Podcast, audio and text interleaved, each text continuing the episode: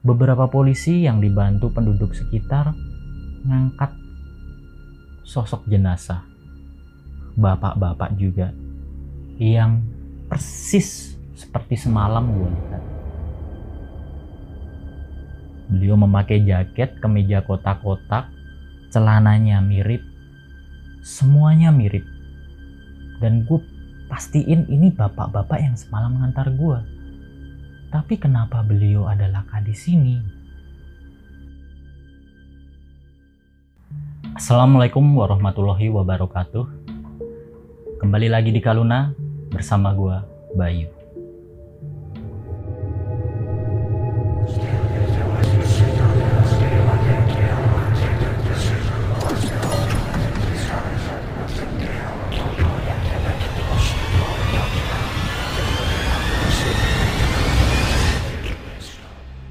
Cerita malam ini adalah kisah nyata berdasarkan pengalaman pribadi dari gua. Cerita ini dimulai saat gua akan menghadiri acara pernikahan kakak gua yang berada di daerah Gunung Kidul, Yogyakarta. Nah, posisinya di sini gua lokasinya berada di kota Yogyakartanya sendiri. Dan jarak antara Jogja ke Gunung Kidul itu kurang lebih memakan waktu sekitar 2-3 jaman lah karena Gunung Kidulnya ini ada di pojok perbatasan antara Jogja, Jawa Tengah dan Pacitan. Cerita dimulai saat gue pulang dari kerjaan waktu itu sekitar jam 9 malam. Nah setelah pulang kerja gue kepikiran untuk memutuskan perjalanan menuju ke Gunung Kidul malam itu juga karena acara nikahan besok itu jamnya itu pagi hari. Akadnya jam 8 pagi dan acara resepsinya itu jam 9 pagi. Jadi daripada gua kesiangan, gua memutuskan untuk berangkat malam itu juga. Karena di jam-jam 9 malam itu menurut gue masih rame juga jalanan dan gue masih belum ngantuk. Daripada gue harus istirahat dulu besok kesiangan, makanya gue putusin untuk berangkat di malam itu juga. Nah akhirnya gue balik ke rumah untuk nyiapin bekal-bekal untuk gue bawa perjalanan nanti. Sekitar jam setengah sepuluh gue udah nyiapin semua perlengkapan gue dan nyiapin kendaraan gue untuk berangkat ke Gunung Kidul. Setelah semuanya selesai akhirnya gue motoran menuju ke Gunung Kidul. Dari Jogja menuju ke arah Wonosari dulu nih. Jadi kalau dari Jogja itu kan jalurnya Jogja dulu kita naik ke Patuk, nanti lewatin Wonosari dan mulai dari situ tuh kita masuk ke desa-desa sampai akhirnya nanti di daerah Girisubo, daerah Sadeng. Sepanjang gua perjalanan semuanya berjalan baik-baik aja. Tidak ada rasa yang macam-macam dan aneh-aneh di sini. Sampai akhirnya gue tiba di daerah Wonosari dan gue melihat di speedometer gue itu jarum bensin gue tuh udah mulai mau habis. Ya udah, gue inget di daerah situ sepertinya ada SPBU yang masih buka 24 jam juga. Dan akhirnya sesampainya di pom bensin, gue mengisi penuh tangki motor gue biar nantinya nggak terjadi apa-apa saat perjalanan menuju ke desa tempat simbah gue ini nanti.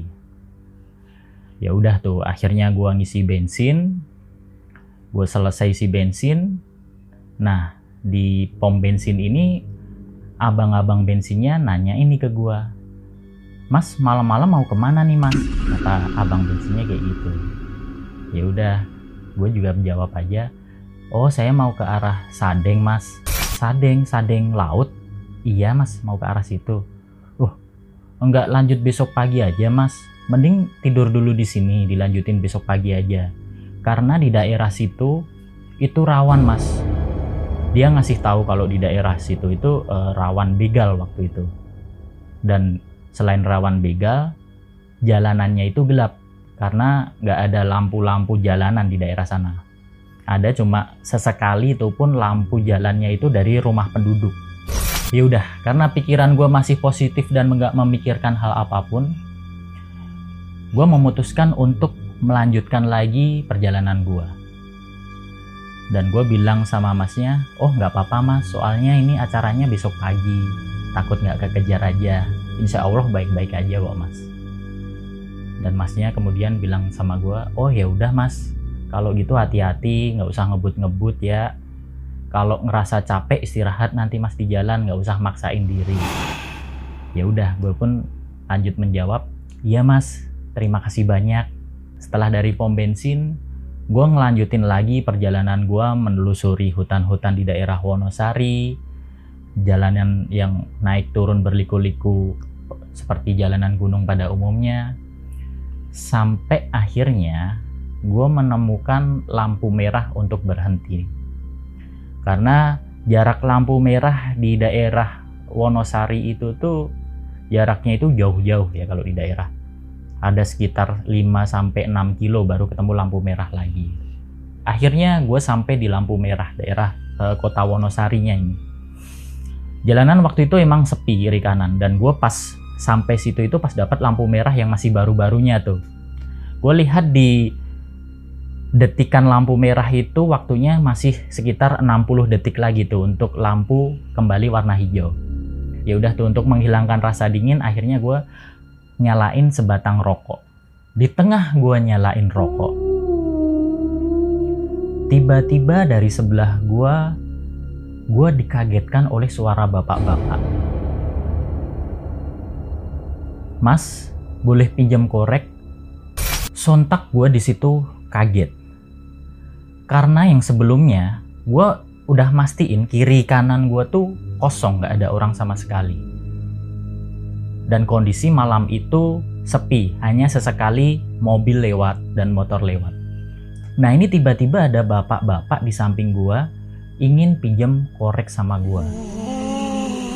Ya udah, pikir gua mungkin gua nggak ngelihat kali sebelumnya. Gua masih positif tuh di situ. Oh ya udah, gua pinjemin korek sama bapak itu.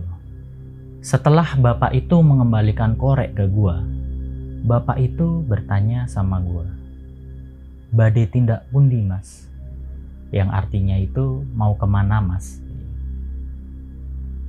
Ya gue jawab aja oh saya mau ke arah Sadeng Giri Subo pak.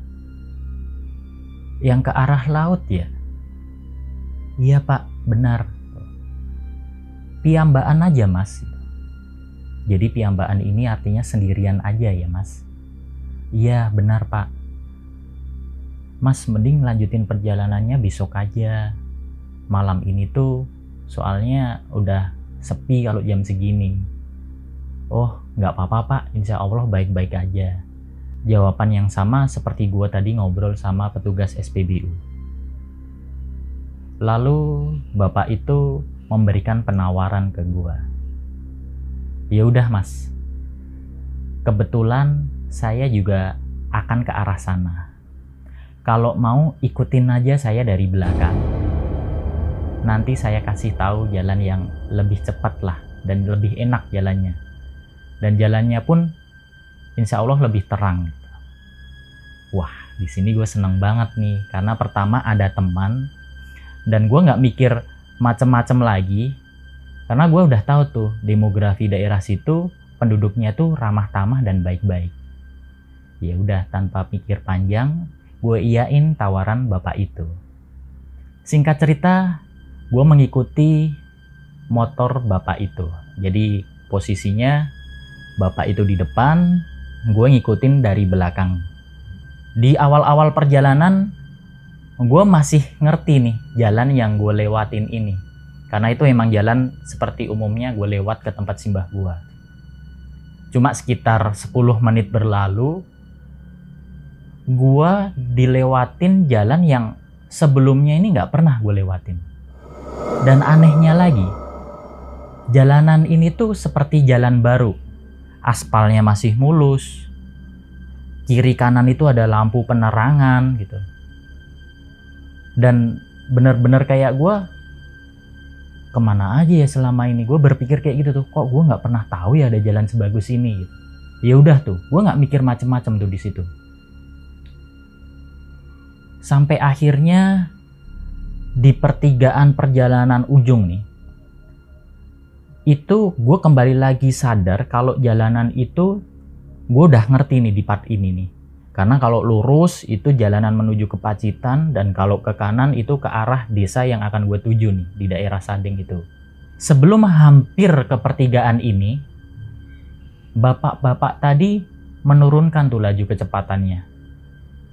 Di sini dia nyampingin gua dan dia nitip pesan ke gua. Dia bilang gini sama gua. Mas, ini pertigaannya nanti mas belok kanan aja lurus. Ya udah gue jawab di situ oh iya pak. Sampai sini saya udah ngerti kok pak. Ya nanti kita pisah di pertigaan ya mas ya. Karena saya mau ke arah yang lurus.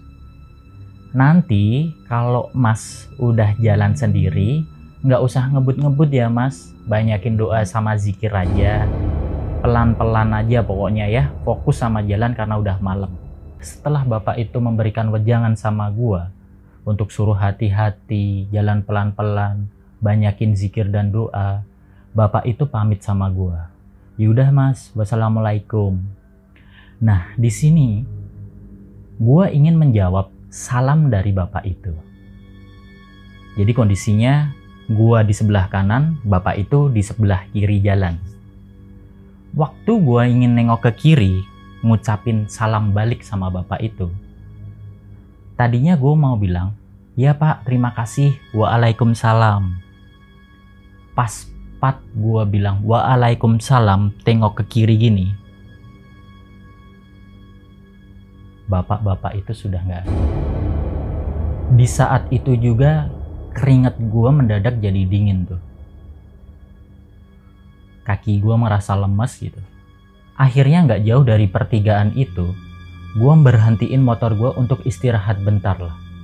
Mengkondisikan diri gue agar lebih enak lagi nanti berjalan.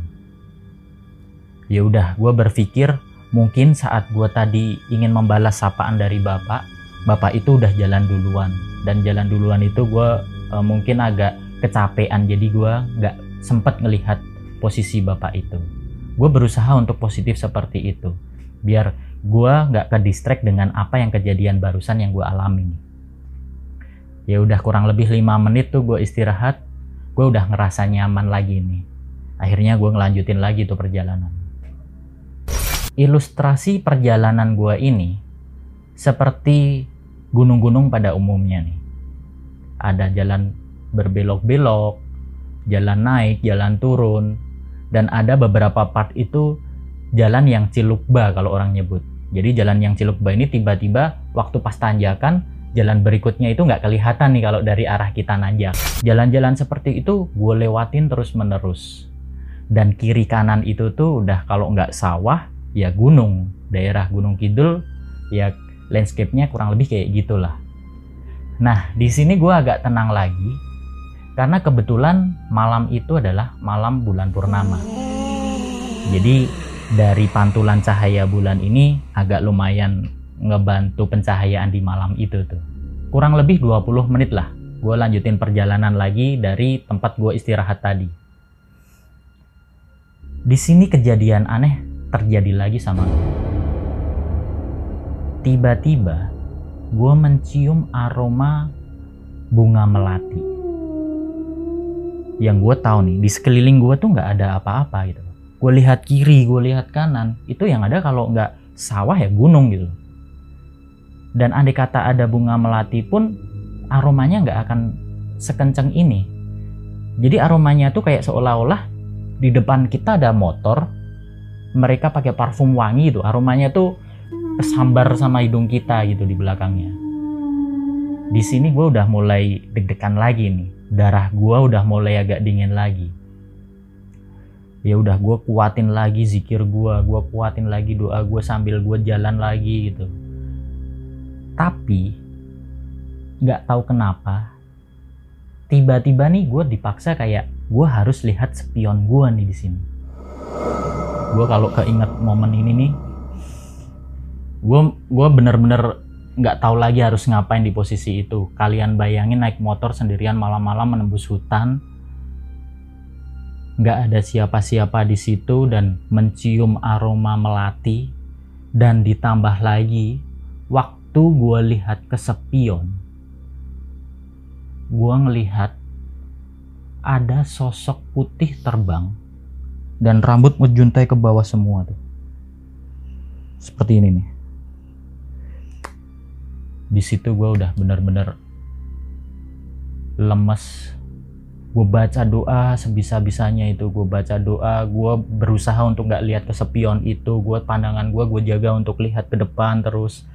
Gue berdoa gue berdoa gue berdoa gue minta tolong sama Allah minta keselamatan di sini. Dan akhirnya nggak jauh dari situ gue nemu warung yang masih buka. Di situ gue ngerasa lega banget tuh di warung itu. Akhirnya gue berhentiin lagi motor gue gue beli jajan di warung itu dan gue ingin istirahat sebentar lagi di warung itu untuk nenangin diri gue. Nah, untungnya di sini penjaga warung ini baik. Saat gue di situ beli rokok, dia ngebuatin gue minum. Dan dia nanya-nanya ke gue mau ke mana mas?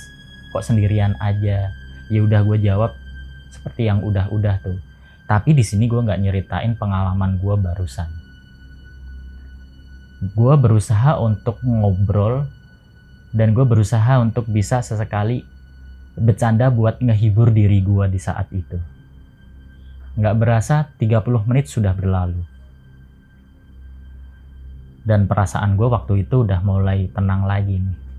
Gue mulai yakin lagi untuk ngelanjutin perjalanan. Akhirnya gue pamit sama penjaga warungnya. Dan penjaga warungnya pun ngasih pesan untuk hati-hati juga.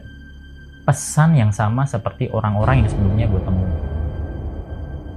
Ya udah, gue berdoa dulu sebelum berjalan. Bismillah, langsung gue jalan lagi. Sepanjang perjalanan, gue udah ngerasa baik-baik aja nih. Gue nggak nemuin masalah-masalah lagi, keanehan-keanehan lagi gue udah nggak nemuin. Dan kaca spion pun akhirnya gue lipet agar nggak ngeganggu gue dalam perjalanan untuk nengok ke arah spion. Pokoknya sepanjang jalan itu gue banyakin doa dan zikir aja udah. Nah di sini gue seneng. Akhirnya kurang lebih 10 menit lagi lah jaraknya. Itu gue sampai ke desa tujuan gue. Cuma semua belum selesai sampai di sini. Seperti yang udah gue ceritain sebelumnya, jalanan di daerah Gunung Kidul itu selain berkelok dan naik turun, banyak jalan yang cilukba, yang tiba-tiba jalur itu tuh hilang. Sesampainya nih, gue di tanjakan yang kurang lebih itu 10 menit lagi lah sampai di desa tempat simbah gue ini gue ketemu jalan yang habis nanjak itu turun tapi langsung belok ke kanan. Nah, waktu itu posisinya gue nanjak.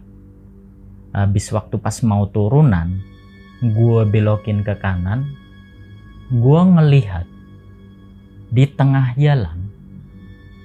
Tiba-tiba gue dikagetkan dengan sosok harimau yang berada di tengah jalan.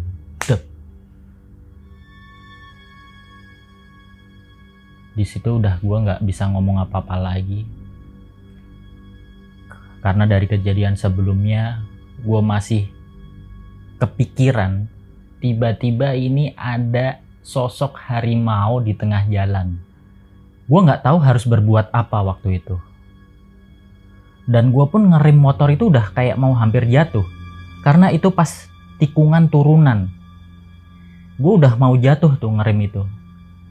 Nah di waktu sepersekian detik kepanikan gue itu, gue inget tuh waktu itu, simbah gue pernah bilang, kalau di daerah sini, itu masih banyak macan memang. Tapi ada dua jenis macan. Pertama macan beneran, yang kedua ini macan jadi-jadian. Entah macan yang jadi-jadian atau macan yang beneran, yang kalau ketemu suruh disorot pakai lampu. Itu dia akan pergi. Ya udah, dalam waktu sepersekian detik itu gue arahin lampu motor gue ke arah macan itu. gue arahin pakai lampu jauh tuh sambil gue berhenti gue arahin gitu dan benar macan itu perlahan jalan jalan-jalan minggir-minggir menuju ke arah gunung itu Alhamdulillah dalam hati gue gue selamat malam ini. Ya udah gue nggak mikir panjang. Gue ngerasa macan itu udah nggak ada gue langsung gas tuh motor sekenceng-kenceng gue sampai gue nemuin di situ ada perkampungan lagi gue akan pelanin laju kendaraan gue akhirnya sampai juga gue di tempat simbah gue nah sesampainya di tempat simbah gue ini beliau udah ada di depan pintu nih. Emang kayaknya sengaja nungguin kedatangan gue seperti adat pada umumnya sesampainya di rumah simbah gue gue langsung sungkem sama simbah gue dan mencium tangannya seperti ini. Nah di sini keanehan gue rasain lagi. Di tengah gue bersalaman sama simbah gue tangan gue tiba-tiba diremet sama beliau dan diremetnya ini lumayan kenceng Nggak lama setelah beliau ngeremet tangan gua, simbah gua teriak. Lu gue? Sontak di sini gua kaget nih. Baru juga sampai udah disuruh pulang lagi. Salah apa ya gue? Tapi nggak cuma itu. Untuk kedua kalinya, simbah gua teriak lagi. Bali neng asalmu,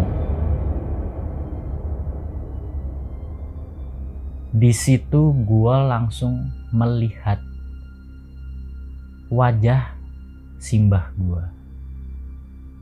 Nah saat gue ngelihat wajah simbah gue ke arah atas gini, tatapan simbah gue itu mengarah ke arah pagar di depan. Dan saat gue nengok ke belakang ke arah pagar, gue nggak ngeliat apa-apa di situ. Setelah itu simbah gue bilang ke gue wis kono resik-resik.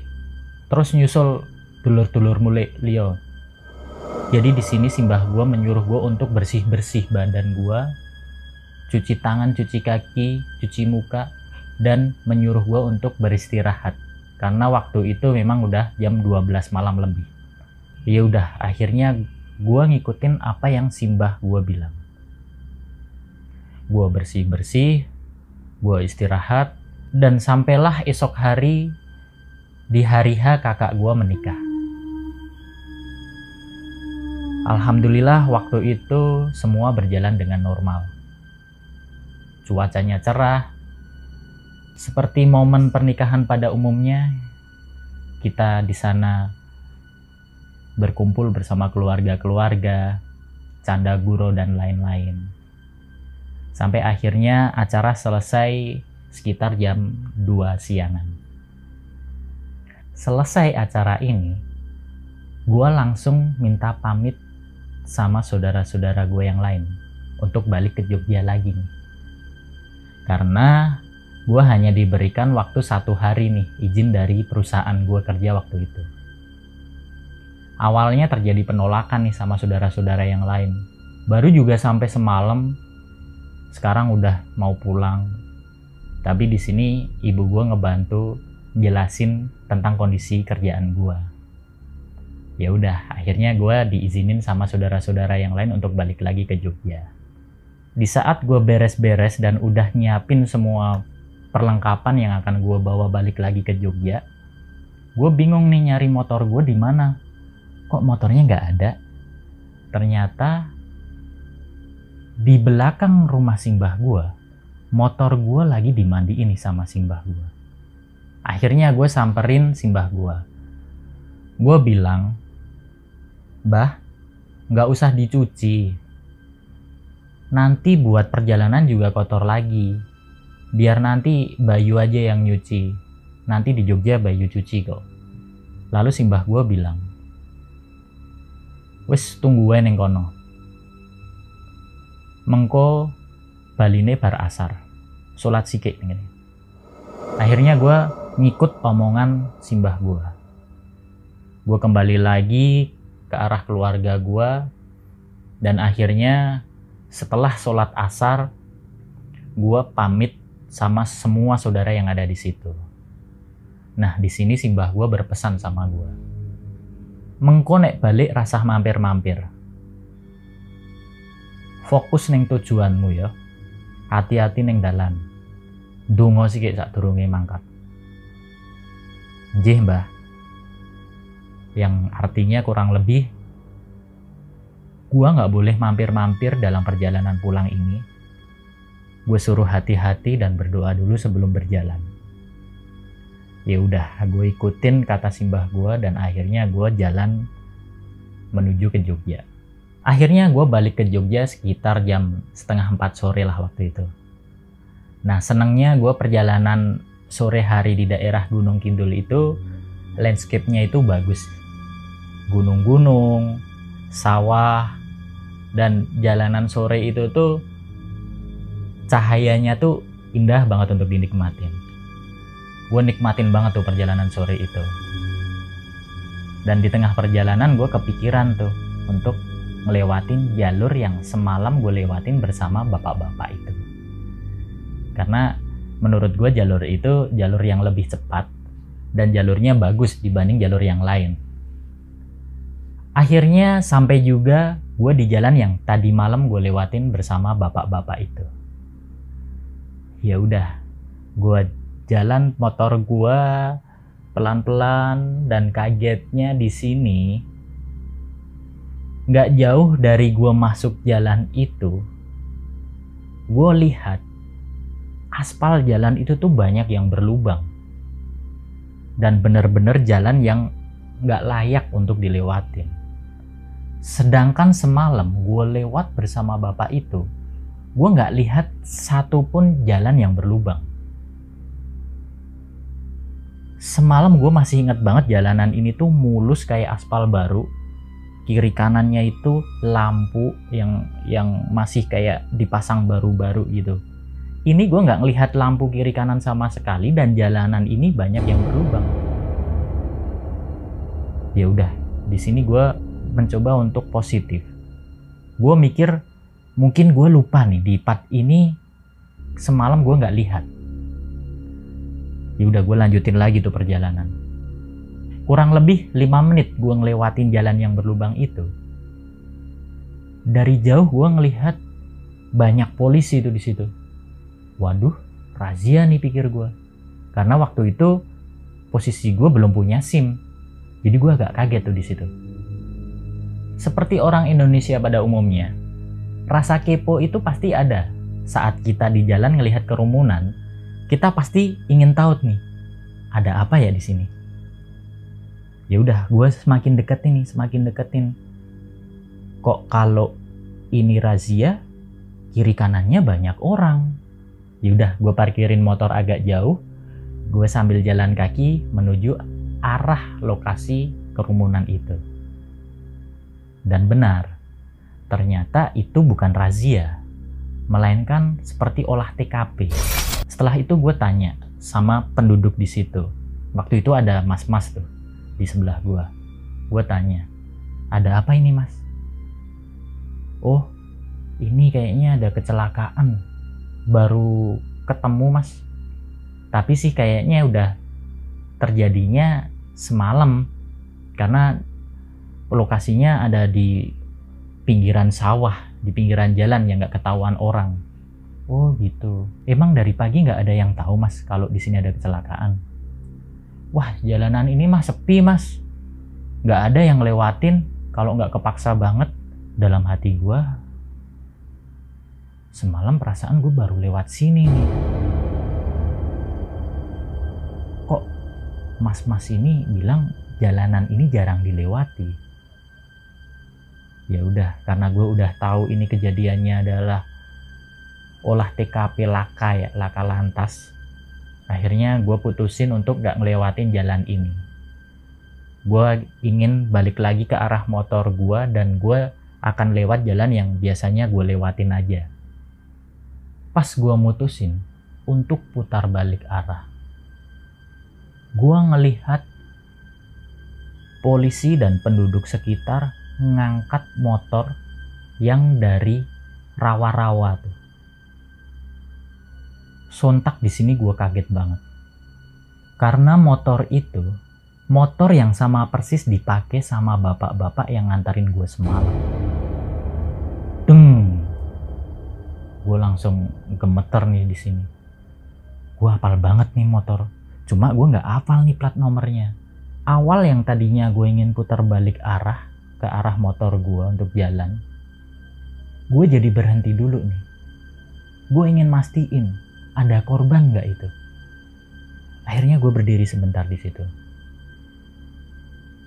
Dan benar.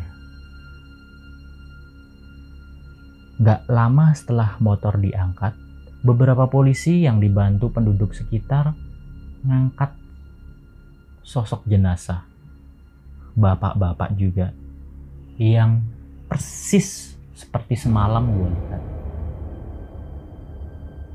Beliau memakai jaket, kemeja kotak-kotak, celananya mirip, semuanya mirip. Dan gue pastiin ini bapak-bapak yang semalam ngantar gue. Tapi kenapa beliau adalah di sini? Setelah gue memastikan kalau itu benar bapak-bapak yang semalam mengantar gue, di situ juga gue bacain Al-Fatihah buat beliau. Dan gue pelan-pelan ninggalin olah TKP tersebut. Akhirnya gue naikin motor gue lagi dan gue putar balik arah untuk ngelewatin jalan yang biasanya gue lewatin kurang lebih perjalanan satu jam. Akhirnya gue sampai juga di kota Jogja di sini gue ngerasa tenang banget karena gue udah bentar lagi sampai ke rumah. Ya udah tuh, pas kebetulan gue sampai ke rumah itu maghrib waktu itu. Gue langsung bersih bersih, gue maghrib dan gue istirahat. Tapi gue keinget nih waktu itu. Gue masih penasaran momen di mana kakek gue menyuruh pergi sosok yang ada di pagar rumahnya. Dan setelah sekian lama kejadian ini berlangsung, gue tanya tuh ke simbah gue. Waktu itu sosok apa yang ngikutin gue? Dan simbah gue jawab tuh, sosok itu adalah sosok yang sama persis saat gua lihat di sepion di malam itu. Sosok putih, rambutnya panjang, turun ke bawah, yang persis sama seperti yang gue lihat di sepion waktu malam itu. Oke, sekian dulu cerita dari gue malam ini. Dan bagi teman-teman yang punya cerita atau ingin ceritanya dibawain oleh tim Kaluna, bisa kirim ke alamat email yang ada di deskripsi bawah. Follow juga Instagram Kaluna di @storyofkaluna dan jangan lupa subscribe dan tekan tombol notifikasi agar kalian gak ketinggalan episode-episode Kaluna berikutnya. Gue Bayu pamit. Wassalamualaikum warahmatullahi wabarakatuh.